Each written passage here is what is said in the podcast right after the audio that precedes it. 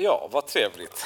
Eh, vi kör direkt, för det finns eh, en hel del att hinna med. Så, ehm, eh, om ni kommer ihåg första kapitlet som vi gick igenom så var det väldigt mycket i kapitlet att Paulus pratade om ehm, man kan säga vilka eh, ägodelar eh, vi har i Kristus. Och det var en hel rad av saker som vi egentligen äger i Kristus. Eh, I kapitel 2 som vi kommer in i nu i Efesierbrevet, eh, då började Paulus, började Paulus prata om vilken position vi har i Kristus. Så det varit väldigt mycket vad vi äger i Kristus, nu blir det lite mer vilken position vi har i Kristus. Och han börjar redan med vers 1 och säger så här. Också er har Gud gjort levande, ni som var döda genom era överträdelser och synder. Tidigare levde ni i dem på den här världens vis och följde härskaren över luftens välde, den ande som nu är verksam i olydnadens söner. Och Paulus har en sån fantastisk förmåga när han skriver, alltså jag tror att om ni, har, om ni har hängt med mig nu, vers 1 och 2, så har ni inte fattat så jättemycket, eller hur? Han har en, en sån fantastisk stil att blanda så otroligt mycket innehåll, så extremt komprimerat. Så det går inte bara att läsa snabbt genom Paulus brev och uppfattar att man har förstått det han säger. Utan det är oftast att man måste ta och läsa om och läsa om och läsa om och begrunda vartenda ord. Därför att det är så innehållsrikt och så väl kalkylerat i det sätt som han skriver. Så när man bara snabbt läser så här så fattar man egentligen inte. Man bara fångar något ord där, överträdelse kanske, eller eh, luftens välde, försten över luftens välde och så kommer man få någon tanke därifrån. Men man förstår inte riktigt vad är det egentligen han pratar om. Och Det här är en sån vers, eller en sån del som jag tidigare har läst många gånger. Jag läste Fessibrevet flera gånger förut och inte begrundat djupt vad det egentligen är han säger i de här verserna. Men det ska vi göra idag. Så efter idag så ska vi få en eh, bra uppfattning av vad han menar. Också er har Gud gjort levande, ni som var döda genom era överträdelser och synder. Och det stannar vi direkt. Det Paulus säger omedelbart, det är att vi var döda. Och vi har hört väldigt många gånger att eh, vi är döda ehm, så att säga, gentemot synden när vi eh, när, innan vi har fått ta emot Jesus så har vi varit döda i vår synd och så vidare. Och Det är ett begrepp som vi flesta är ganska medvetna om. Men det intressanta är att samma kristna som förstår det här begreppet kan ändå i väldigt många församlingar finns många kristna som funderar kring huruvida det finns möjligheter att bli frälst utan att nödvändigtvis bekänna sig till Jesus att människor som lever djupt i djungeln på något, sätt också skulle kunna bli frälsta utan att bekänna sin tro till Jesus och bli, acceptera Jesus i deras, liv. Eh, att en person som har levt Ehm, så att säga, ganska tidigt innan kyrkan har börjat eh, vara aktiv med radio och tv och sprida budskapet över hela världen, de måste också ha en rättvis chans att bli frälsta på något annat sätt genom att de har varit väldigt schyssta utifrån de kunskaper de har haft. Vissa människor till exempel kanske har trott på eh, att Gud är ett träd till exempel. Som det är till och med kristna som menar detta, att eh, det finns någon stam i Papua Nya Guinea till exempel som har levt djupt in i djungeln och de har haft sin egen religion där de har trott på träd, de har trott på djur och de har tillbett solen och månen och allt möjligt. Men många menar på att så länge i den tron som de har haft, att de har levt ett fint och rättvist liv, så kommer detta Ehm, ses med blida ögon utav Gud och han kommer acceptera dem som frälsta. Därför att de har inte vetat bättre, men utifrån det de har vetat så har de levt ett fint liv. De har tillbett solen och månen och träd och krokodiler och lejon och allt möjligt. Men de har gjort det ärligt och de har skött sig snyggt. Och därmed så kommer Gud ändå betrakta dem som värda att bli frälsta. Därför att de har gjort så bra de har kunnat utifrån den kunskap de har haft. Ehm, för ingen annan har talat om för dem något annat. Problemet med det resonemanget är, är att Paulus säger att ni var döda i era överträdelser och synder. En död människa kan inte göra någonting alls. Ingenting. Du kan inte röra på dig, du kan inte prata, du kan inte tänka, du kan inte agera, du kan inte reagera. Du kan inte göra absolut någonting. En andlig död människa kan inte göra någonting alls. Så att tro att en person som är död i sina synder, i sina överträdelser, kan i egen makt och egen kraft börja göra goda gärningar till den nivån så han blir eh, accepterad av Gud. Han kommer till en sån fin andlig nivå så Gud säger att Amen, han är ju väldigt schysst, han får ju gärna vara med ändå. Är en omöjlighet därför att han är död. En död person kan inte göra något. Ehm, en död person är ingen idé att man gör hjärt och lungräddning på. Det är därför innan man påbörjar hjärt och lungräddning måste man konstatera att det finns puls. Om det inte finns puls, om det inte finns andning längre, då gör man ingen mer hjärt och lungräddning. Personen är död. Du kan trycka på hjärtat, hoppa på kroppen och göra vad du vill. Det går inte. Spruta adrenalin, det funkar inte. Personen är död. För att överhuvudtaget en död person ska kunna göra något så måste den personen komma tillbaka till liv.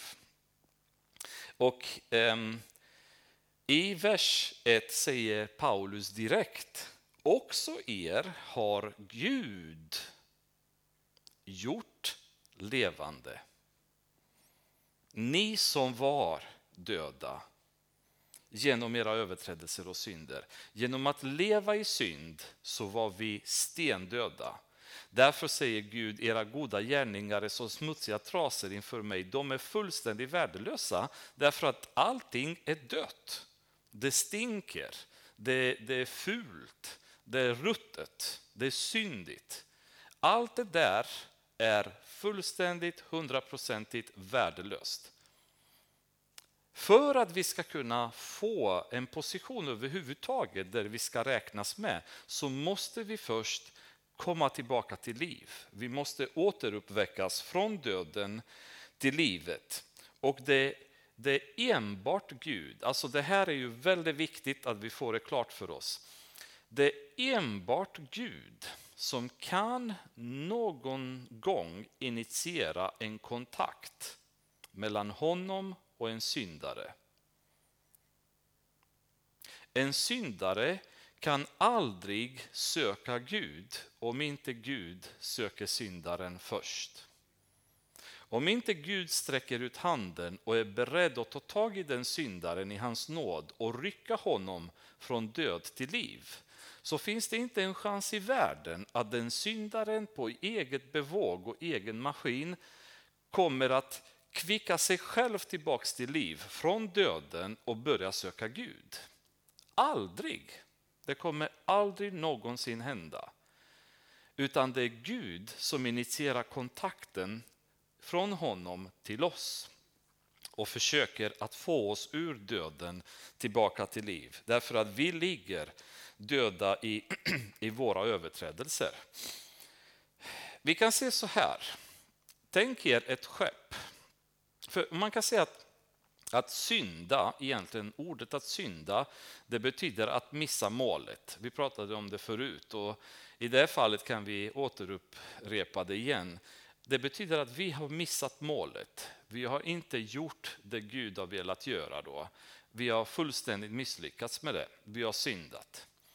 Så om man tänker eh, mänskligheten som ett skepp Eh, som navigerar på en ocean och skeppet drunk, alltså den, den går under. Det kommer en storm, det, eh, allting går, går fel så att säga och skeppet sjunker. Och folk hoppar ut, ut i vattnet och börjar simma. Och långt ut så finns det en landremsa och folk börjar simma mot den landremsan. Men omedelbart så är det ett helt gäng av dem som hoppar i vattnet som inte klarar av att simma. De drunknar omgående. De andra som har krafterna kvar och någorlunda simkunniga, de fortsätter att simma på. Men allt eftersom de simmar på, avståndet är jobbigt, eh, vågorna är tuffa, en efter en, flera börjar drunkna. Nu närmar de sig, de som är kvar, och har kanske 200-300 meter kvar till landremsa. Och några till drunknar. Och en handfull fortsätter och simmar vidare mot landremsan. Och den sista, eller de sista kanske drunknar 10 meter, 15 meter från landremsan och dör. Spelar det någon roll att någon har varit mer simkunnig än den andra? Ingen roll alls. Alla har dött. För att vi tycker om att gå inför Gud. Människorna går inför Gud och säger men jag är inte så dålig som alla andra är. Jag känner många som är faktiskt mycket sämre än jag är. De behöver bli frälsta, de behöver gå till kyrkan, för de är ju under all kritik. Men jag är faktiskt inte så farlig. Faktum är att jag kanske till och med är bättre än många som är i kristna, tycker en del. då. Jag ljuger inte, jag eh, skäl inte, jag lever ganska schysst, jag är mån om mina grannar. Eh, jag sköter mig ganska bra, gör så gott jag kan, eh, jobbar hårt, betalar mina skatter, fifflar inte med någonting, köper bussbiljett när jag åker buss etc. Gör allting som jag ska, gör allting rätt. Men problemet är att det spelar ingen roll hur mycket bättre du simmar än de som har varit fullständigt kassa på att simma. Du kommer ändå drunkna. Du kommer ändå missa målet. Och i Guds ögon har det absolut ingen som helst betydelse om någon av oss har varit godare eller bättre än någon annan. Vi alla drunknar. Det är det som är problemet. Och Det är därför det är så meningslöst att gå in i diskussioner med människor kring beteende. När vi möter en, krist, en okristen person, det är ingen idé att vi börjar snacka eh, Ja, men är det okej okay att röka? Nej, jag tycker inte riktigt att det är. Ja, nej, men jag tycker att det är inga problem. Och så börjar vi diskutera fram och tillbaks. Kan vi röka? Kan vi inte röka? Eh, hur är det i kyrkan hos er? Accepterar ni homosexuella? Nej, det gör vi inte. Usch, nej, det är lite konstigt då. Och så pratar vi fram och tillbaks om gärningar. Men deras problem är att de är döda. Så det har ingen som helst betydelse vilka gärningar i deras liv vi försöker att ändra på. Vi försöker, vi, det har ingen betydelse vilka gärningar i samhället där vi lever i vi försöker att ändra på. Vi gör fortfarande ett arbete med döda människor. Ehm, det, det fanns en väldigt rolig, eh, ett roligt fall som jag varit med om när jag jobbade på intensiven. Då. Eh, vi hade en väldigt proper kirurg som alltid kom in och eh, var väldigt eh, trevlig och väluppfostrad, civiliserad. Och varenda gång han kom in i intensivvårdsmodulerna så sträckte han handen och hälsade han på patienterna, presenterade sig. Hej, jag heter chefkirurg etc. etc. Och en dag så så uh, kommer han in i intensivvårdsmodulen och som vanligt går mot en patient. Nu är patienterna där ganska sjuka många gånger.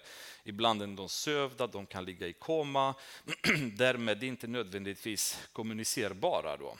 Men eh, det är regel inom vården att du ska alltid behandla patienten som att patienten hör dig och förstår dig. Därför att vi kan inte veta exakt vad som försiggår i en patients hjärna. Utan vi måste alltid utgå ifrån att patienten hör oss och förstår oss. Så även om patienten ligger sövd i respirator i en koma så pratar vi alltid. Nu kommer jag att tvätta dig, nu kommer jag att vända dig, nu hjälper jag dig med att vända kudden etc. Då, så att man får med patienten. Då. Ibland så upplevde man att man pratar mot väggarna men det känns ändå väldigt mänskligt och och fint gentemot patienten att göra så. Och I det här fallet så kommer doktorn inne på rummet och sträcker handen och tar patientens hand då, som låg orörlig där i sängen och tar handen och säger hej, jag heter doktor så och så och jag, jag är här på ronden. Till vilket alla vi undersköterskorna bara börjar liksom småskratta. Eh, um, hon är ju död, säger den ena av undersköterskorna. Då. Ehm, alltså det spelar ingen roll, han har ju gått, han har presenterat sig, skakat handen, men patienten är ju död då, så du kan prata precis så mycket du vill och presentera dig precis hur mycket du vill. Och det var en sån här, men till vilket eh, han hade lite självbehärskning, han tittar mot oss och säger aha, säger han, och så bara går han vidare. Så det var, han, han klarade sig ganska snyggt ur situationen då. Men det, det, är en eh, lite bara rolig sidoberättelse om att är man död så är man död. Och det är väldigt viktigt då för oss att förstå att vi måste få människorna att liksom förstå vem Gud är och få eh, dem till den punkten där heliga anden börjar verka till deras hjärtan och börjar kvicka dem tillbaks till liv. Då. För det är det vi, vi är ute efter. Vi vill att de ska möta Gud och Gud är den som kan göra levande. Ingen annan kan. Inte ens de själva, inte vi, inte pastorer, inte mirakelmänniskor, ingen. Det är bara Gud som kan få en människa från död till liv. Då. Och det är det man är ute efter. Ehm, I Romarbrevet 3.23 säger Paulus, alla har syndat och saknar härligheten från Gud. Alla har drunknat i skeppsbrottet med andra ord. Även eh, om någon har simmat bättre, även om någon har skött sig finare, alla har syndat, alla har dött. Men Gud är den som har gjort oss levande. Tidigare, säger Paulus, vers 2, levde ni i dem på den här världens vis, alltså överträdelser och synder. På den här världens vis och följde härskaren över luftens välde den ande som nu är verksam i olydnadens söner. Um, humanisterna, vad är humanist? Humanist är en person som försöker att leva kristet utan att följa Gud, kan man väl säga. Ehm, det är ju världens eh, fina religion. Eh, vi vi tycker om, vi har fina begrepp i livet, vi älskar alla människors lika värde. Ni vet, det här snacket som pågår i vårt, eh, nästan varje nyhetsprogram vi tittar på numera. Ehm, humanisterna, de är av den åsikt att människan är född god. Och det är miljön som människan hamnar i som förstör människan, som gör att människan blir ond. Och det är ju helt obegripligt i min värld hur människor med intelligens, för väldigt många av humanisterna är ganska så högutbildade människor, professorer, forskare etc. Så de, det är inte analfabeter, eller som man skulle kanske tro då. Eh, hur kommer det sig att dessa välkultiverade människor och kunniga kan ändå påstå en sån stor idioti? Att människan är född god. Eh, men det är miljön som människan hamnar i som förstör människan och korrumperar henne. Om det så vore fallet, hur är det möjligt att Adam och Eva började synda? För miljön i vilken de befann sig var helt perfekt. Det fanns ingen synd i Eden. De umgicks bara med Herren som var helig, som var perfekt. Då. Hur kommer det sig att dessa två människor har syndat om miljön runt omkring sig var en god miljö. Mer än så kan man säga, hur är det möjligt att vi måste lära små barn att inte vara eh, otrevliga mot varandra, att vara generösa och inte stjäla från varandra, att inte spotta på varandra, att inte sparka, att inte, att inte kasta maten. Vi måste lära dem att vara lydiga. Vi måste lära dem att, eh, att vara eh, vad ska man säga, generösa mot andra barn etc. Om detta ligger i deras natur, hur kommer det sig att det första vi föräldrarna måste göra så fort barnen börjar få en slags medvetet agerande så måste vi redan då börja eh, bygga restriktioner och lagar och regler därför att annars har barnet en tendens att omedelbart spåra ur. Då. Krossa saker, förstöra, skrika när man inte får det man vill. Ehm, vissa gör det fortfarande även i mogelstadiet kan man säga. Folk fortfarande en del skriker så fort de inte får det de vill. Men, men det är ju ändå så att det börjar redan tidigt på barnastadiet. Och om det är så att barnen är födda goda, som, som jag tänker i vår familj, så tycker jag att vi har försökt att ha en ganska så bra uppfostran. Men ändå så fick vi lära Kevin och Elise att inte slåss med varandra. Även om de aldrig sett mig och Carolina slåss med oss själva. Så det är ingenting som de har lärt sig av oss, men eh, ack vad snabbt de började slåss med varandra själva ändå. Liksom. Ehm, men de är födda goda. Varför? Så det är ju, en, eh, det är ju in, inte, inte så att säga, något som kan överhuvudtaget stämma i det här. Um, och, och, och, överhuvudtaget kan man säga, hur kunde synd komma in i världen när världen var perfekt? Var kom den ifrån? Bara en sån enkel fråga. Lika enkelt som hur har jorden blivit skapad eller hur har universum blivit skapat utav ingenting? Att någonting har kommit ur ingenting. Samma intelligenta människor som kallar sig humanister går omkring och sprider den här teorin av Big Bang utan att det finns en enda förklaring om hur materia kan komma ur icke-materia, hur någonting kommer ur ingenting Ingen har en förklaring på det, men alla är helt övertygade att det har varit så. Och likaså där, människan är född god. Varför? Jo, därför att det här platsar in i vår politiskt korrekta berättelse som vi vill skapa. Det vill säga, om vi kommer att hävda de grejerna, då kan vi flytta ansvaret från människa till miljön. Om en brottsling mördar, våldtar, stjäl, det är egentligen inte hans fel, utan det är samhällets fel. Skolan har inte varit tillräckligt bra, eh, föräldrarna har inte gjort sitt jobb ordentligt, staten har inte gett honom hjälp när han har behövt.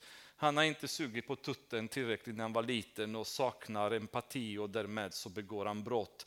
Folk som bränner bilar i Göteborg, ja men det är för att de är arbetslösa och de har ingenting att göra och vad ska de göra då? Då börjar de bränna bilar, för det finns inget annat att göra. Och, och så vidare. och Så vidare. Så det är inte individens fel, utan det är hela tiden samhällets fel. Det är kyrkans fel, det är skolans fel, det är regeringens fel, men inte individen. Det här är en berättelse som humanisterna vill propagera i samhället och flytta skulden från individen. Vad Gud vill, det är att säga det är hos dig problemet finns. Problemet är att du eh, är i mitten av en flod av överträdelser och synder och så följer du konsekvent härskaren över luftens välde, den ande som nu är verksam i olydnadens sonens, det vill säga djävulen. Men vad konstigt, kan man säga. Hur kan jag följa djävulen om jag är död? För vi har precis förstått att om man är död så är man död.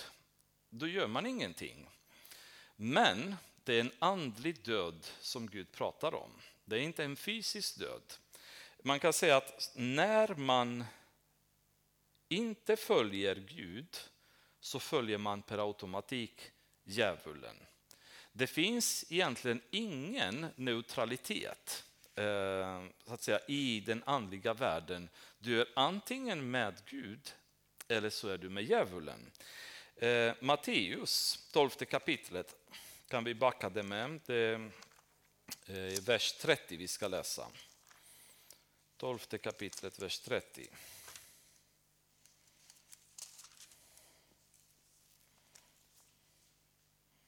Den som inte är med mig är emot mig, säger Jesus. Och den som inte samlar med mig, han skingrar. Det finns ingen, ingen situation i vilken jag kan säga att ja, men jag, egentligen, jag är inte så um, intresserad av djävulen. Jag tycker inte att jag vill vara med i det gänget och det är bara satanister och, och sådana som är, är på den fronten. Jag lever ju ett bra liv, men jag är inte särskilt intresserad av Gud heller. För det är ändå så att eh, väldigt många människor har den tendensen att säga att eh, inte än. Jag är inte riktigt på humör just nu och, och kolla på de här frågorna. Eller eh, du får tro på vad du vill, men håll din tro för dig själv, för jag är inte intresserad just nu att diskutera. Ehm, den inställningen är ju det vanliga numera. Alltså jag har respekt för din tro, jag, jag har förstått att det, det finns folk och folk, eh, men jag, jag befinner mig inte riktigt i den situationen i livet just nu där jag kan liksom ta något beslut. Jag tror på att det finns någonting någonstans, men eh, förstår inte riktigt vad. Och just nu är inte jag riktigt på humör heller att analysera frågan, för jag har faktiskt två små barn. Jag jobbar ganska mycket. Eh, mitt liv är fullt upptagen med annat. Och vad folk tror är att de kan bara förneka Gud eller ignorera Gud och leva ett neutralt liv. Men det finns inget sånt som neutralt liv, utan så fort du ignorerar Gud så ligger du och följer eh, djävulen. Då blir man per automatik en djävulens tjänare och gör det som djävulen vill. Det vill säga i den andliga döden så blir man aktiv med att leva i synd istället. Och det, som, det, det finns ingen, eh, ingen risk att tro att den här världen inte följer djävulen därför att allt som världen håller på med är tydliga egenskaper eller attityder av vad djävulen är intresserad av och gör själv. Då. Eh, man kan titta på berömmelse till exempel som en klassiker. Eh, folk vill bli kändisar, de vill bli berömda, de vill synas, de vill höras. Och det är precis vad djävulen har velat. Hans mål var att själv bli Gud, att själv få tillbedjan och, och komma och ta Gud, Guds plats. Han ville bli känd, han ville ta första positionen själv och komma så att säga som en annan Gud där eh, han skulle få lika mycket respekt från de andra som Gud fick, berömmelse. Man söker det och det är ju lite det som eh, nästan hela vår moderna värld kretsar kring då, allt ifrån musik till Eh, Eh, matlagare till eh, vad som helst. Alla försöker att bli berömda. Alla ska vara med i tv, alla ska synas, i eget tv-program. Ehm, helst så mycket, så, så mycket noise som möjligt, så mycket oljud kring, kring dem. Och folk tar till precis vilka metoder som helst för att få en liten stund av berömmelse i livet. Och ibland är det bara en liten stund det handlar om. De kan ta av sig kläderna och de kan posera nakna. De kan ju ägna sig åt perversiteter. De kan göra alla möjliga konstigheter bara för att få en liten stund inför en kamera och få en viss eh, stund av berömmelse. Ehm, andra människor söker rikedomar. Eh, de söker njutning. Eh, njutning i alla dess former, i drickande, i Eh, egendomar, i sex, i underhållning, i allt som har med njutning och rikedomar att göra. Ehm, och det är ju återigen saker som driver nästan de flesta människorna i världen idag. Någon av de här delarna kan, eh, är det som, som får igång människor. Ehm, och det är inte nytt på jorden kan man säga och det har prövats förut. Så vi kan ju öppna till Predikaren, andra kapitlet. Kan vi höra hur effektivt det är egentligen att söka de här grejerna. Eh, vi läser från vers 1. Och då är det Salomo vi pratar om, mannen som betraktades som världens visaste man och han var en av de absolut rikaste männen någonsin. På hans tid så sägs det att silver var lika vanlig i Israel som stenar. Och eh, säkert ni som har varit i Israel har säkert sett hur, hur mycket stenar det är överallt. Så man får en, eh, en uppfattning om vilka rikedomar han hade samlat på sig. Samtidigt vilken enorm kunskap och vishet om allt möjligt han hade då. Jag sa det i mitt hjärta, säger han. Nåväl, jag vill låta dig pröva glädjen Gör dig nu goda dagar, men se också detta var förgängligt. Jag sa det om skrattet, det är dårskap, och om glädjen, vad tjänar den till? Jag tänkte att jag skulle stärka min kropp med vin, medan jag gav akt på visshet och hålla mig till dårskap till dess att jag såg vad som var bäst för människornas barn, människors barn att göra under himlen de dagar de lever. Jag uträttade stora ting jag byggde hus åt mig, jag planterade vingårdar åt mig. Jag anlade trädgårdar och parker åt mig och planterade där alla slags fruktträd. Jag anlade vattendammar åt mig för att med dem vattna den skog av träd som växte upp. Jag köpte slavar och slavinnor och hade tjänare som fötts i mitt hus. Jag ägde mer boskap, nötkreatur och får än någon före mig i Jerusalem. Jag samlade också silver och guld och skatter från kungar och länder. Jag skaffade mig sångare och sångerskor och det som är mannens lust, nu kommer det. En kvinna, ja, kvinnor. Jag blev stor, ja, större än alla som före mig varit i Jerusalem. Min visshet förblev också hos mig. Allt som mina ögon begärde gav jag dem och jag unnade mig all glädje till mitt hjärta hade glädje av all min möda och detta var lönen för min möda. Men när jag såg på allt som mina händer hade gjort och på den möda jag hade lagt ner, se, då var allt förgängligt och ett jagande efter vind. Det finns ingenting att vinna under solen. Han har ju, han har ju uppnått den nivå som, som de flesta i Sverige bara drömmer om att komma till. Har så många kvinnor de vill, supa så mycket de vill, bygga, eh, bli kända, gå in i historien. med de, har fått, de har byggt byggnader och gjort massa häftiga grejer, skaffa massa rikedomar i form av silver och guld. Eh, sångare och sångerskor hela tiden, med andra ord bli underhållna kontinuerligt. Han har gjort allt detta och när han gör allt så, så lutar han sig tillbaka och säger men det här är bara tomt. Det ger ingenting. Jag trodde att det skulle ge någonting, men det ger ingenting. Men han tänker att ja, kanske har jag valt fel.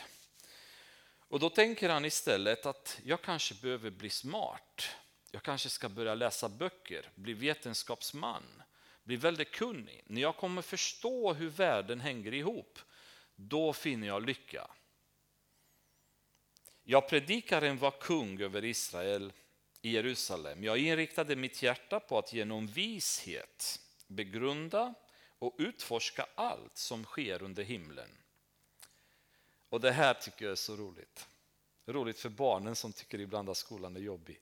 Det är en usel möda som Gud har gett människors barn att plåga sig med. Jag har sett till Elise många gånger. Lärarnas huvudsyfte är att plåga barnen. liksom. Eller hur, Pelle? Jag såg allt som görs under solen och se allt är förgängligt och ett jagande efter vind. Det som är krokigt kan inte, kan inte bli rakt och det som saknas kan inte räknas. Jag sa det i mitt hjärta, se, jag har en hög ställning och är visare än alla de som varit före mig i Jerusalem. Mycken vishet och kunskap har mitt hjärta sett. Men när jag inriktade mitt hjärta på att lära känna visheten och förstå oförnuft och dårskap, då insåg jag att också detta var ett jagande efter vind. Ty med stor vishet följer stor oro Ökad kunskap ger ökad smärta. Det är så fantastiskt. Alltså när man läser det här då känner man bara, vad håller vi på med? Um, och det är precis det som världen håller på med. Um, det som är intressant här, han säger så här, um, Tidigare levde ni i dem på den här världens vis och följde härskaren över luftens välde, den ande som nu är verksam i olydnadens söner. Ehm, det här ordet som man använder, levde ni, det är ett grekiskt ord eh, som är samma ord som vi använder på svenska när vi säger meander. Jag var tvungen att fråga Carolina hemma om hon visste vad ordet betyder, men det visste hon inte. Så då då tänkte jag att det är kanske är bra att jag förklarar det. Eh, eh, eh, meander, det är en flod som rinner så att säga krokigt. Det rinner inte rakt utan det rinner så att säga krokigt fram och tillbaks i olika krokar. Det meandrar sig då genom landskapet. Och det är ett intressant ord som Paulus väljer där, att tidigare meandrar ni, meandrade ni er genom livet. Med andra ord, ni gick inte rakt med ett tydligt syfte, med ett tydligt mål om var ni var på väg. Utan som det står på ett annat ställe, ni var eh, så att säga kastade fram och tillbaks av olika vindar. Man meandrade sig genom livet. Ibland så gick man åt höger, ibland så gick man åt vänster, ibland söker man njutning i det, ibland söker man kunskap i det andra. Sen vänder man kurs, sen springer man efter något annat. Oj, det här var ingen vidare. Sen springer man efter något annat. Och man är i ett ständigt sökande och kringer i krokande genom livet utan en rak sträcka och ett tydligt syfte.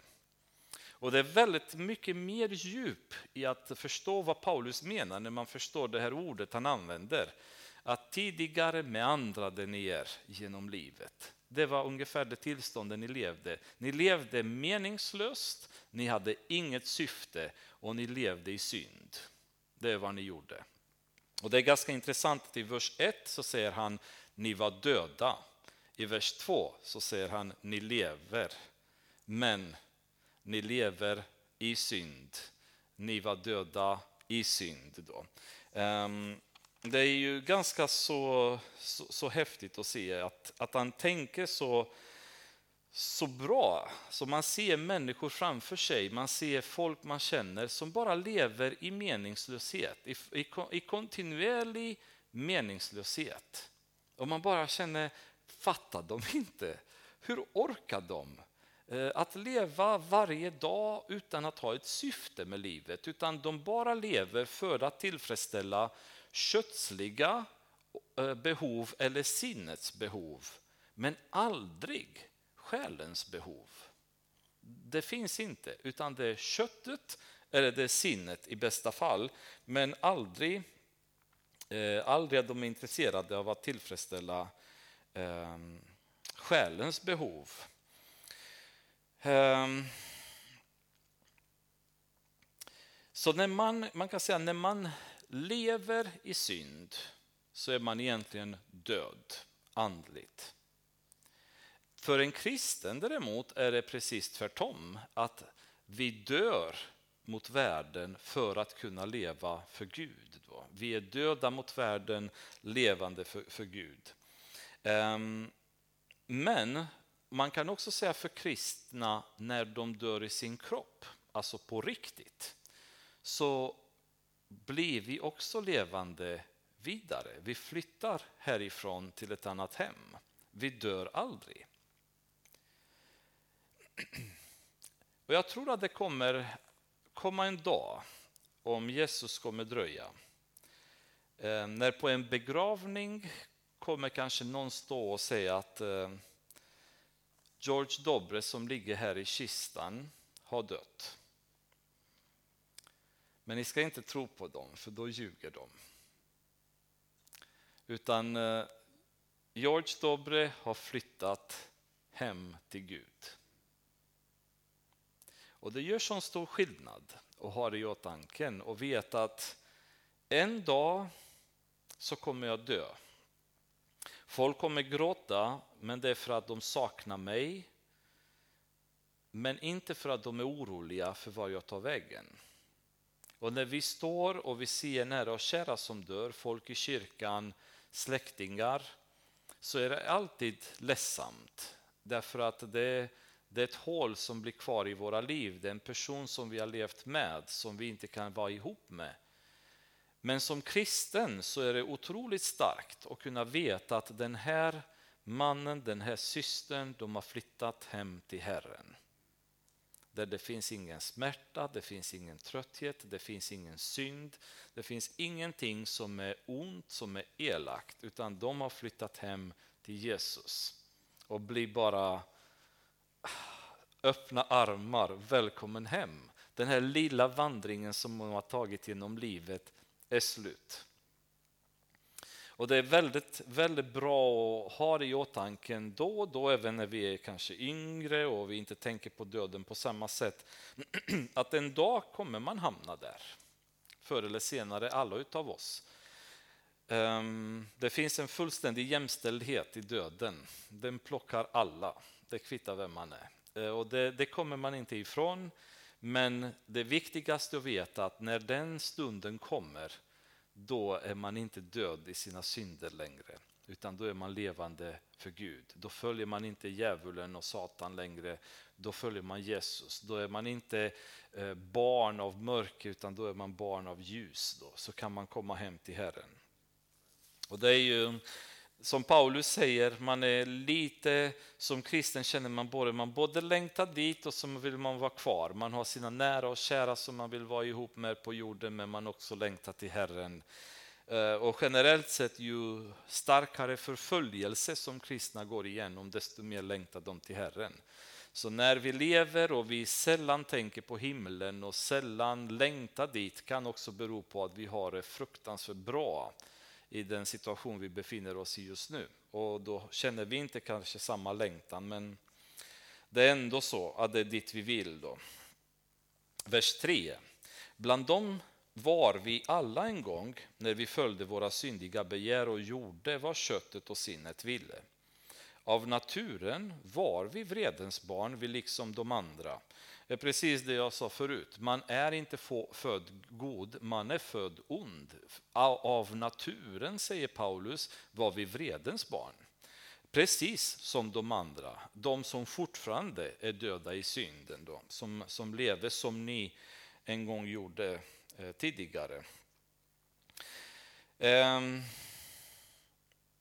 Paulus mål är inte att som kristen tillfredsställa köttet.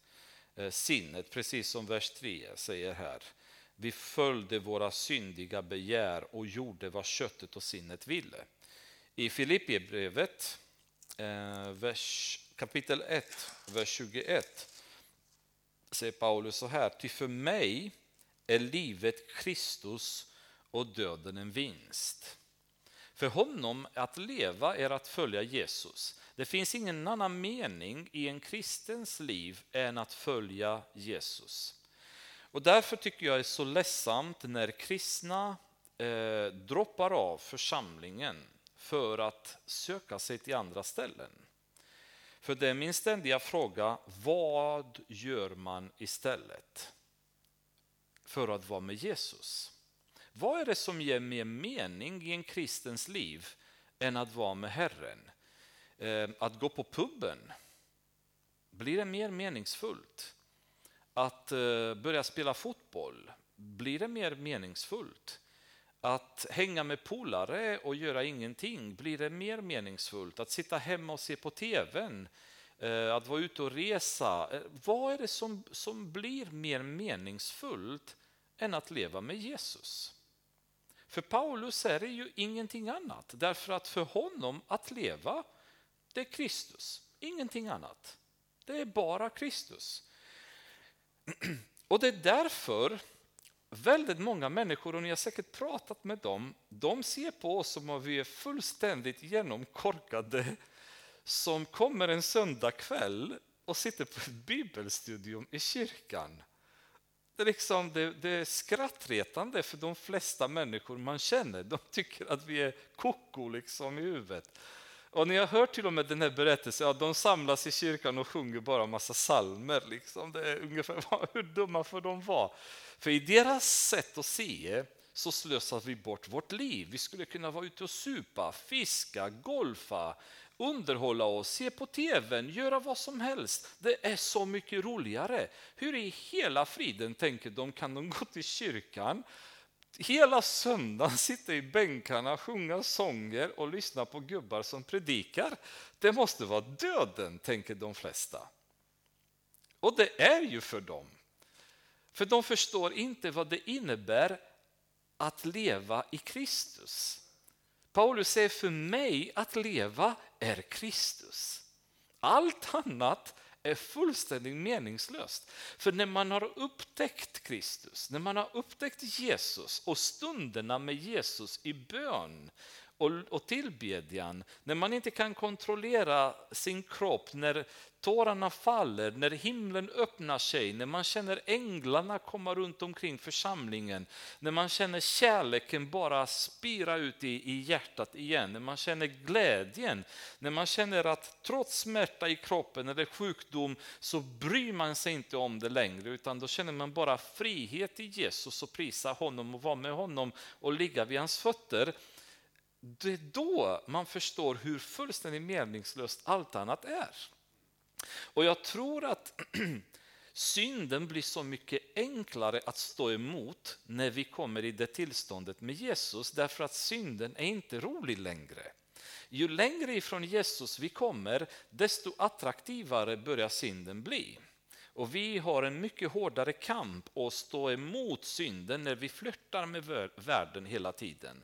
Men ju ju närmare Jesus vi kommer, desto mer tydligt blir det för oss hur meningslöst det är att synda. För vi fattar direkt att det här kan inte ge mig någon glädje. Så för mig att gå på Bogrens och sitta och dricka sprit, det vore döden. Det, liksom, det vore fruktansvärt. Men att människor sitter där i musik som bara fullständigt eh, tinnitusframkallande och sitter och super, de kan inte ens prata med varandra, de skriker till varandra för musiken är så högt. Men för dem är detta livet. Så ni förstår vad djävulen fullständigt förmörkar människornas sinne, så någonting som är ren plågeri och meningslöshet blir målet med deras liv. De är så fullständigt borta och döda i sitt sinne så de har ingen förmåga att uppfatta att de är på väg till helvetet och de har inte ens roligt på vägen dit. De tror att de har roligt, men de, har inte ens roligt. Och, och, och, Det är liksom väldigt, väldigt roligt att läsa predikaren, för det är precis det han säger. Jag har supit, jag har horat, jag har byggt, jag har gjort massa saker och det var tomt. Det gav ingenting. Jag försökte att bli smart och jag försökte att bli vis och kunna allt. Och det var tomt.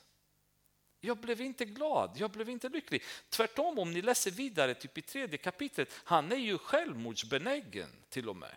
Han kommer till den punkt i sitt liv när han konstaterar att allt är så tomt så han är i princip i djup depression. Och då förstår jag varför självmorden ökar i Sverige. Därför att människorna söker, söker, söker, får ingen svar, bangar huvudet i väggarna och tar livet av sig. Därför att de har ingen förmåga att sätta sig ner och förstå att jag är på fel väg. Jag måste ödmjuka mig och låta heliganden som för Jesus säger, jag står och knackar. Det är ingen människa som kan säga att Amen, det är ingen som har sökt mig, det är ingen som har predikat för mig, ingen som har sagt något om Gud till mig. Eh, nej, Jesus säger jag står och knackar. Han knackar hela tiden. Sen kan det vara i olika former. Budskapet kan, kan komma på olika sätt, men Jesus står och knackar och om, no om någon öppnar, då ska jag komma in. Och det är ju liksom den här meningslösheten som, som är ju jättemärklig. Men, eh, men jag skulle säga att det, min, min tragedin det är när kristna inte begriper detta.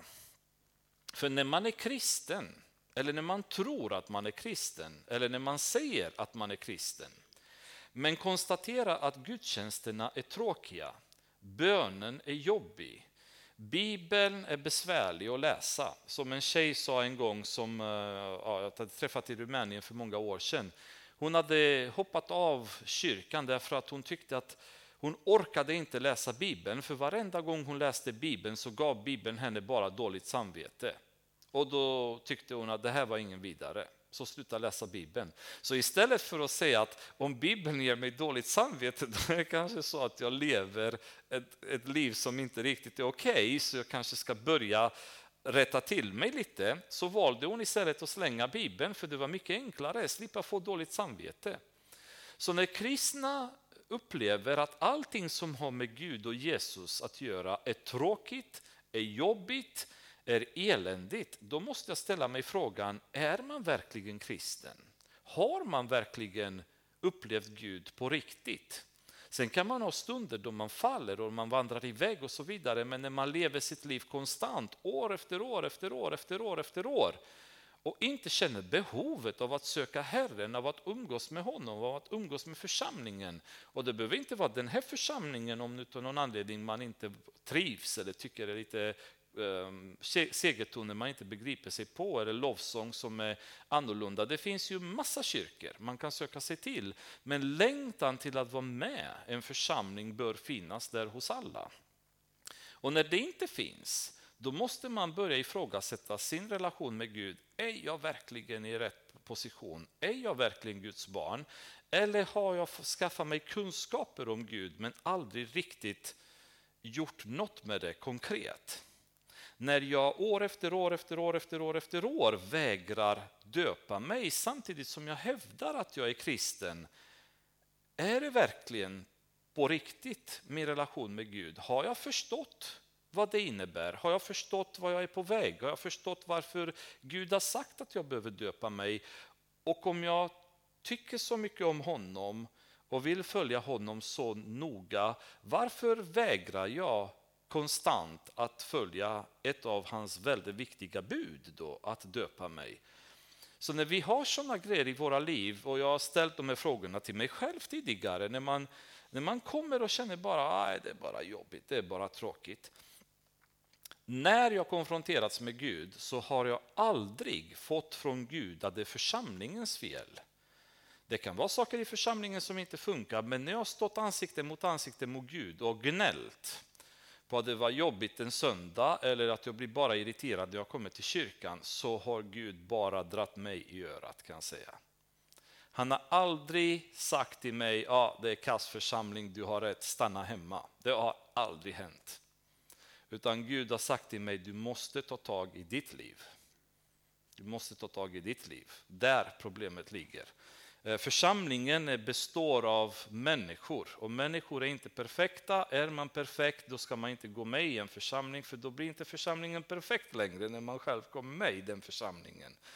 Så att komma och, och säga till Gud att eh, jag stannar helst hemma, jag ser helst på tv hemma, Eh, för att det är jobbigt i kyrkan. Mm. Jag har svårt att köpa resonemanget eftersom jag varit där själv och jag vet vilken, vilket eh, tydligt budskap jag fått från Gud i frågan. Det handlar om en själv. Det handlar om ens, ens engagemang i relationen med Gud och ingenting annat. Vers 4. Men Gud. Det här är så häftigt. Detta förändrar allt. Än så länge har det varit vi. Vi har varit döda, vi har varit i synder, vi har haft problem, vi har vandrat omkring. Men nu kommer Gud. Men Gud som är rik på barmhärtighet har älskat oss med så stor kärlek också när vi ännu var döda genom våra överträdelser, att han har gjort oss levande tillsammans med Kristus. Av nåd är ni frälsta. Ja, har han uppväckt oss med honom och satt oss med honom i den himmelska världen i Kristus Jesus för att i kommande tider visa sin överväldigande rika nåd genom godhet mot oss i Kristus Jesus. Ty av nåden är ni frälsta genom tron inte av er själva, Guds gåva är det. Inte på grund av gärningar för att ingen ska berömma sig. Till hans verk är vi, skapade i Kristus Jesus till goda gärningar som Gud har förberett så att vi ska vandra i dem. Alltså det här är en explosion från Paulus.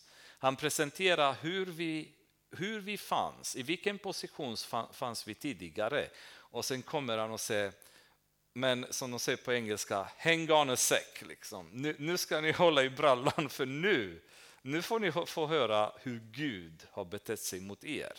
Hans barmhärtighet, hans nåd, hans kärlek, vad han har gjort för er.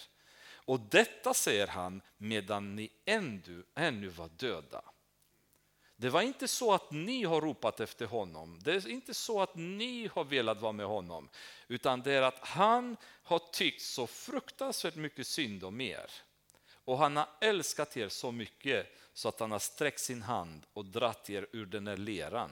För av nåd är ni frälsta, säger han, genom tron och inte genom gärningar, så ingen ska berömma sig själv. För att vi hade säkert varit väldigt duktiga på att berömma oss om vi tänker oss på farisén som ber och säger Har inte jag gjort det här, sagt mina böner, gjort allt det här? Jesus säger själv att eh, i sista tiderna kommer folk att komma till henne, men Herre, har inte vi gjort allt detta? Han kommer säga, nej, jag har aldrig känt er. Jag har aldrig känt er. Varför att goda gärningar är inga gärningar alls när man är död. Man kan inte göra någonting. Era gärningar är värdelösa.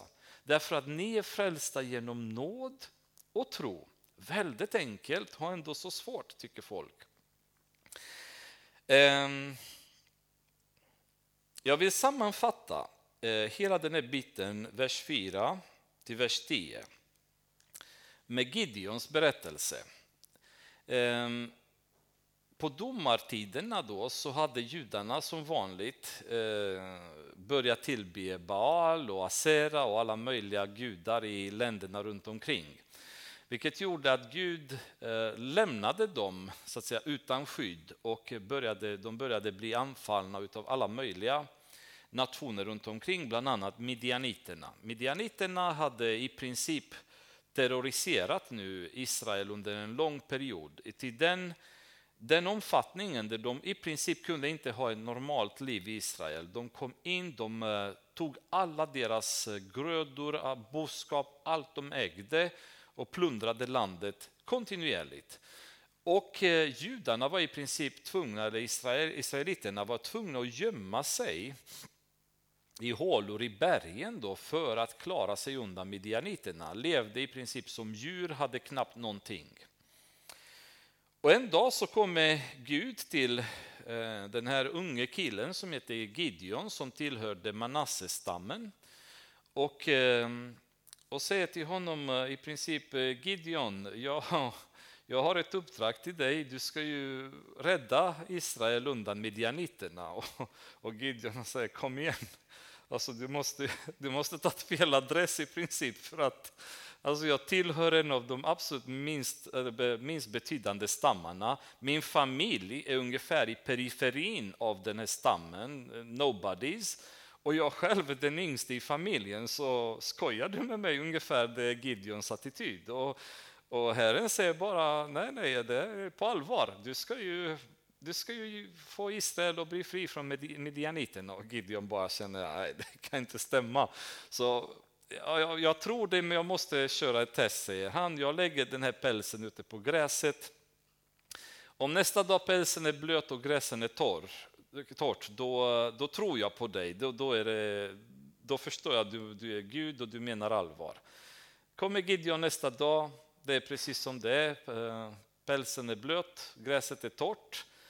Han bara tänkte, nej det kan inte stämma, det, det måste vara något fel. Han, han, går till Gud igen och säger, nej det, det, här köper jag ändå inte. Vi, vi gör om testet. Om det är så att pälsen blir torr och eh, gräset blir blött nästa dag, då, då tror jag verkligen att det är du som är Gud och du menar allvar. Och nästa dag kommer han och ser att det är precis så det har hänt. Och då accepterar han att nej, men det här verkar vara på riktigt. Och, um, han, uh, han börjar liksom uh, följa Gud där han börjar riva sönder balaltarna runt omkring i familjen där han bodde. Men efter ett tag då säger Gud att eh, nu får du eh, kalla in en armé för nu är det dags. Och han eh, ropar till sig genom olika bud i landet. Folk som ville komma och slåss mot midjaniterna är välkomna. Och det dyker upp 32 000 människor som säger att vi vill vara med och slåss. och Midjaniternas armé var ungefär 135 000 då. Så hade jag varit Gideon där hade jag sagt att det var ju väldigt klent och, och slåss med 32 000 mot 135. Men Gud säger till Gideon, äh, vänta lite, innan du börjar hoppa omkring för mycket och vara glad, eh, det är på tok för mycket folk här, säger Gud. Liksom. Utan det, det, ska bort ett antal. Och då hade jag tänkt, hade jag varit Gideon, hade jag tänkt bara, skojar du liksom? Vi är 32 mot 135 då. Men, ehm, men Gud säger, nej, nej, det, det där är ju, det är för mycket folk. Jag vill inte ha så många. Och då säg till dem att de som är rädda får gå hem. Och då går Gideon där och säger att ni som eh, är här, som har kommit för att slåss, men ni känner att ni inte är tillräckligt motiverade i princip. Eh, känner ni att ni är rädda så är ni välkomna att vända på klacken och gå hem. Då. Vilket gör att eh, 22 000 av de 32 bara sticker, för de, de var ju där utav kompistryck eller vad som helst. De var inte speciellt sugna på att slåss mot midjaniterna. Då, då blir han kvar med 10 000. Då. Och Gud säger bara, på tok för många. Jag vill inte ha så många. Eh, gå med dem till floden och be dem att dricka vatten. Och de som eh, lägger sig och borrar huvudet i vattnet, de ska bort. De som är på knän och läppjar som en hund, de behåller du kvar. Och hade jag varit i Gideons skor, då hade jag gjort som Jona, bara hade stuckit efter det som hände därefter. Då, därför att eh, alla i princip doppar huvudet i vattnet utom 300 som ställer sig och bara läppjar vattnet. Och det är de som Herren vill ha kvar. Så Gideon med 300 soldater nu ska gå mot 135 000 midjaniter.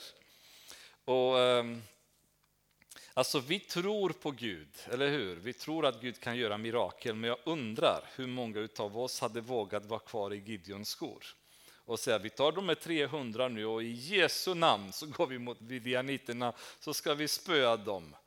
Ehm, men han gör det. Och på, hela poängen med detta, i vad Gud gör med Gideon, det är att han vill inte att människorna ska skaffa sig berömmelsen. Han vill att de ska förstå att det är genom nåd och genom tro de blir räddade inte genom gärningar så ingen kan berömma sig därefter. Så Gideon ger sig ut med de här 300 och eh, Midjaniterna de blir fullständigt förvirrade. Vi går inte in i detaljerna i berättelsen men det bryter ut förvirring i, i lägret. De börjar slåss med varandra och så sticker de iväg dessutom livrädda. Och Gideon, alltså hade jag varit Gideon hade sagt, oh vad kul, de har stuckit, uh, hej då, liksom, då går vi hem. Nej, men nu är de riktigt taggade, så han med de här 300, han börjar jaga den här stora armén då på tiotusentals soldater och bara hugger igen dem en efter en efter en. Då och, och jagar dem genom flera olika territorier och på vägen dit så är de helt slutkörda. De har inte vatten, de har inte mat, men de ger inte upp. De bara fortsätter och bara mal sönder den här stora armén. Till slut så kan man säga så massakrerar de 135 000 soldater med 300 man utan att en enda utav Gideons soldater har dött.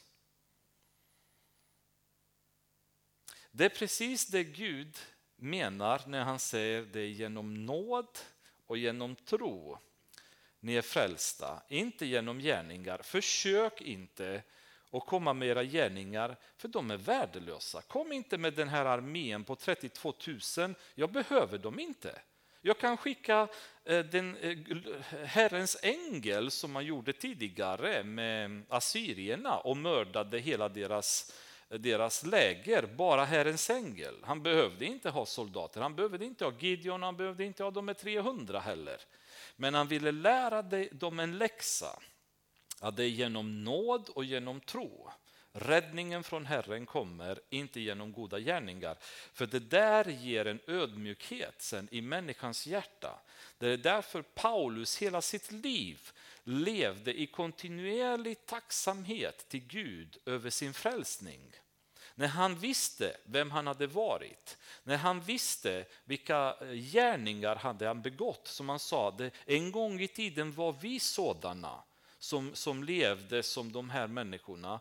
Han hade det klart fortfarande och levande i hjärnan att han var en sån som med svärd mördade kristna. Men sen en dag står han ansikte mot ansikte på Damaskus väg med Jesus som frågar Paulus, varför förföljer du mig? Och då faller han ihop. Då var han ödmjuk nog att acceptera att vad har jag gjort? Hur har jag levt mitt liv? Men vi är så stolta som människor, så även när vi konfronteras av Gud, även när människorna eh, så att säga, hör Jesus knacka, vill de inte öppna. De har inte tid. Kanske på dödsbädden, eventuellt om jag ska ta och tänka på det här, men inte just nu. Just nu har jag ett liv, jag har en karriär, jag har barn, jag är mitt i massa projekt jag behöver göra. Jag har planer för mitt liv. Jag hinner inte med religion just nu, gå till kyrkan och sjunga sånger på söndag. Kom igen liksom. Men Paulus, när han möter Jesus, så kom han inga, inte med ursäkter, utan när han förstod att jag har gjort fel, då ändrade han sig direkt och förstod att frälsningen är ju genom nåd och tro. Och han var så aggressivt emot alla som propagerade att du måste ha vissa gärningar för att du ska kunna bli frälst. För det är en, en vilolära och det lurar folk bort från himlen. Och han, han bombarderade i sina epistlar folk hela tiden med det budskapet. Det är genom tron, det är genom tron, det är genom tron, genom Guds nåd och ingenting annat. Därför att Gud har inte något annat intresse, han vill inte försvåra för oss. För det är också så här. Djävulen har försökt att förvanska bilden av vem Gud är. Han försöker att få Gud att inte se ut som i vers 4, barmhärtig och älskande med stor kärlek, utan han försöker att få honom att se ut som en elak Gud, orättvis Gud. Har ni inte ni hört många i världen säga om Gud är kärlek, hur kommer det sig att det dör barn? Om Gud är rättvist, hur kommer det sig att det är så många som inte blir rättvist behandlade och så vidare. Det är ju den bilden de har om Gud. Gud är elak, han är inte rättvis. Han försöker att slå oss, han försöker att plåga oss. Och det är precis vad djävulen gör. Men djävulen har lyckats att skifta bilden av sig själv på Gud och flytta Guds bild på sig själv. För hur presenterar han sig idag? Han är kärlek. Eller hur? Alla pratar om kärlek på tv just nu. Det kvittar på vad man tittar på. Det är bara, åh det är så bra med kärlek. Folk som älskar varandra. Nej, det är perversiteter de pratar om. Det är luster. Det är folk som trånar efter relationer som är förbjudna enligt Guds lag. Men det är kärlek. Det är så vackert. Det viftar med regnbågsflaggor och det är så fint med så mycket kärlek som flödar på Stockholms gator på Pridefestivalen. Och det är djävulen som visar sina, så att säga, sina tänder för oss och visar hur han kontrollerar deras hjärnan och hjärta. Är det kärlek? Kärlek är vad som Gud ger, men djävulen har flyttat bilden. Han har tagit Guds bild som kärleksfull och anammat det själv och flyttat sin bild på Gud som elak, som ond, som plågande. Och det är ju hela tiden det. Men det är ju väldigt, eh, väldigt fel att tänka så och vilken människa med någorlunda logik skulle begripa det. För om jag tänker så här, och för, för vår egen del, om Kevin och Elise skulle komma till mig en dag och säga pappa, du du har gjort så mycket för oss. Du är så god, så härlig. Eh, det skulle de aldrig göra förmodligen, men, men vi, nu, nu verkligen leker vi med tankarna sådär att, att en dag skulle de komma och säga det. Och pappa, vi, vi verkligen känner att nu, nu vill vi bara ge dig precis det du känner att du vill ha utav oss. Bara, bara säg vad du vill så gör vi det. Vad tror ni min reaktion skulle vara? Skulle jag tänka, åh vad gött liksom. Sätt och dammsuga övervåningen, städa toaletten, liksom. bär skräpet, eh, liksom slava åt mig på olika sätt. Eller skulle man känna att wow, då ska vi göra något riktigt roligt tillsammans idag. Vi ska gå ut och äta eller göra någon härlig aktivitet eller umgås på ett roligt sätt eller vad som helst. Det är den normala eh, kärleksfulla relationen som en förälder skulle ha vid ett sådant ovanligt tillfälle då barnen skulle säga det. Då. Ehm, men vi tror på något sätt att Gud är annorlunda. Att när vi kommer till Gud och vi har blivit frälsta och vi bara ropar av glädje att vi är hans barn och vi vill be och vi sitter och läser Bibeln och vi vill prata med honom och vi kommer till kyrkan för att umgås med varandra och höra om honom och Gud säger bara liksom, det är, ni är inte värda någonting. Ut med er, jag ska plåga er, ni ska få vara sjuka, ni ska ha det jobbigt, ni ska ha det eländigt. Jag tycker det här inte duger någonting. Helt onormalt, helt, eh, helt fel att ha det tänket om Gud. Det är det normala. Och, och det säger, Jesus säger även om det, om ni som är onda ger goda presenter till era barn, hur mycket mer er fader i himlen som är god kommer ge er goda saker. Så vem har förvanskat den här bilden av att Gud är elak och orättvis och plågande och jobbig när allt som vi läser om honom det är att han är barmhärtig, säger Paulus. När ni var döda så kom han där och hjälpte er och eh, fick liv i er så att ni kunde bli hans barn och nu umgås ni. Sen säger han dessutom, nu tillhör ni Jesus och med honom har ni börjat tillhöra den himmelska världen. Ni är inte i himlen men ni tillhör ju redan himlen som Gud Guds barn. Därför att ni var frälsta då. Och till hans verk är vi, skriver han i sista versen, skapade i Kristus Jesus till goda gärningar. Så nu har han gett oss möjlighet att göra goda gärningar genom en god natur som vi har i oss, som Gud har förberett, så att vi ska vandra i dem de gärningarna som vi gör som kommer göra att vi mår bara bra, vi växer, vi blir lyckligare, vi blir gladare, vi mår bättre då. Det är ju den guden som Paulus säger, det är den positionen ni har fått. Men när vi kommer till den, den ödmjukheten och den insikten då av vad Gud har gjort för oss, att det är inte vi utan det är Gud, då kommer vi tänka precis som eh, Gideon har gjort och vi kan öppna och avsluta med Domarboken, åttonde kapitlet. Israeliterna var så glada över det som Gideon hade gjort. Så direkt så ville de proklamera honom som kung i Israel. Men ni ska få höra hur Gideon reagerar. Vers 22. Israeliterna sade till Gideon, härska du över oss och sedan också din son och din sonson, så etablera en dynasti nu för att ni har varit så duktiga. För du har räddat oss ur midjaniternas hand. Men Gideon svarade dem, jag skall inte härska över er och min son ska inte heller härska över er, utan Herren ska härska över er. Hur ska jag härska över er? Jag har inte gjort något, säger han. Den som har gjort allt är Herren. Han ska härska över er. Det blir väldigt enkelt sen när man förstår att ingenting som jag har gjort har fått mig att komma där jag är. Då kan jag vara ödmjuk och säga prisa Herren. Han får all ära, han får all tack. Jag är bara glad att jag får vara med. Och Jag tycker att den tacksamheten kommer automatiskt då med den ödmjukheten och vetskapen igen att det är genom nåd vi är frälsta, genom tron och inte genom gärningar. Så ingen behöver berömma sig själv. Då kan vi bara tacka Herren för det och bara fortsätta att leva i det. Herre Jesus, vi tackar dig för att du har kommit dött för oss och öppnat möjligheten för att vi ska kunna bli frälsta. Vi ska kunna komma till dig, leva med dig, ta del av dig dagligen. Jag tackar dig för att du söker oss Tack för att du vill umgås med oss. Tack för att du eh, trivs i vårt sällskap, Herre Jesus. Jag ber att du ska hjälpa oss att värdesätta detta, att vi värdesätter varandras sällskap och värdesätter dig i vårt sällskap, Herre.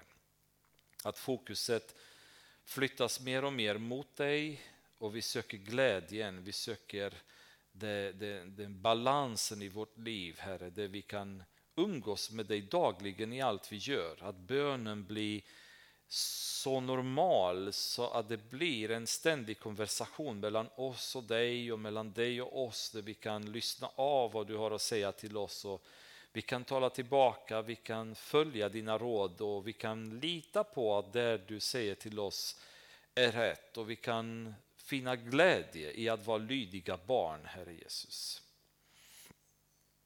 Vi tackar dig för de möjligheterna och låt oss inte försumma dem, Herre. För det är ju en enorm förmån att kunna umgås med dig och spendera tid med dig. Och den kvaliteten som den tiden ger oss är underbar. Det, det, det tvättar bort smuts ur våra hjärnan och det städar undan skräp i våra hjärtan. Och det vederkvicker vår själ, Herre, som salmisten säger. Det bara det vederkvicker vår själ. Vi finner igen glädjen som bubblar inuti inbördes och balansen i vårt liv och harmonin och friden som övergår all förstånd, Herre, som vi så mycket behöver. Tack Herre för det, i Jesu namn. Amen.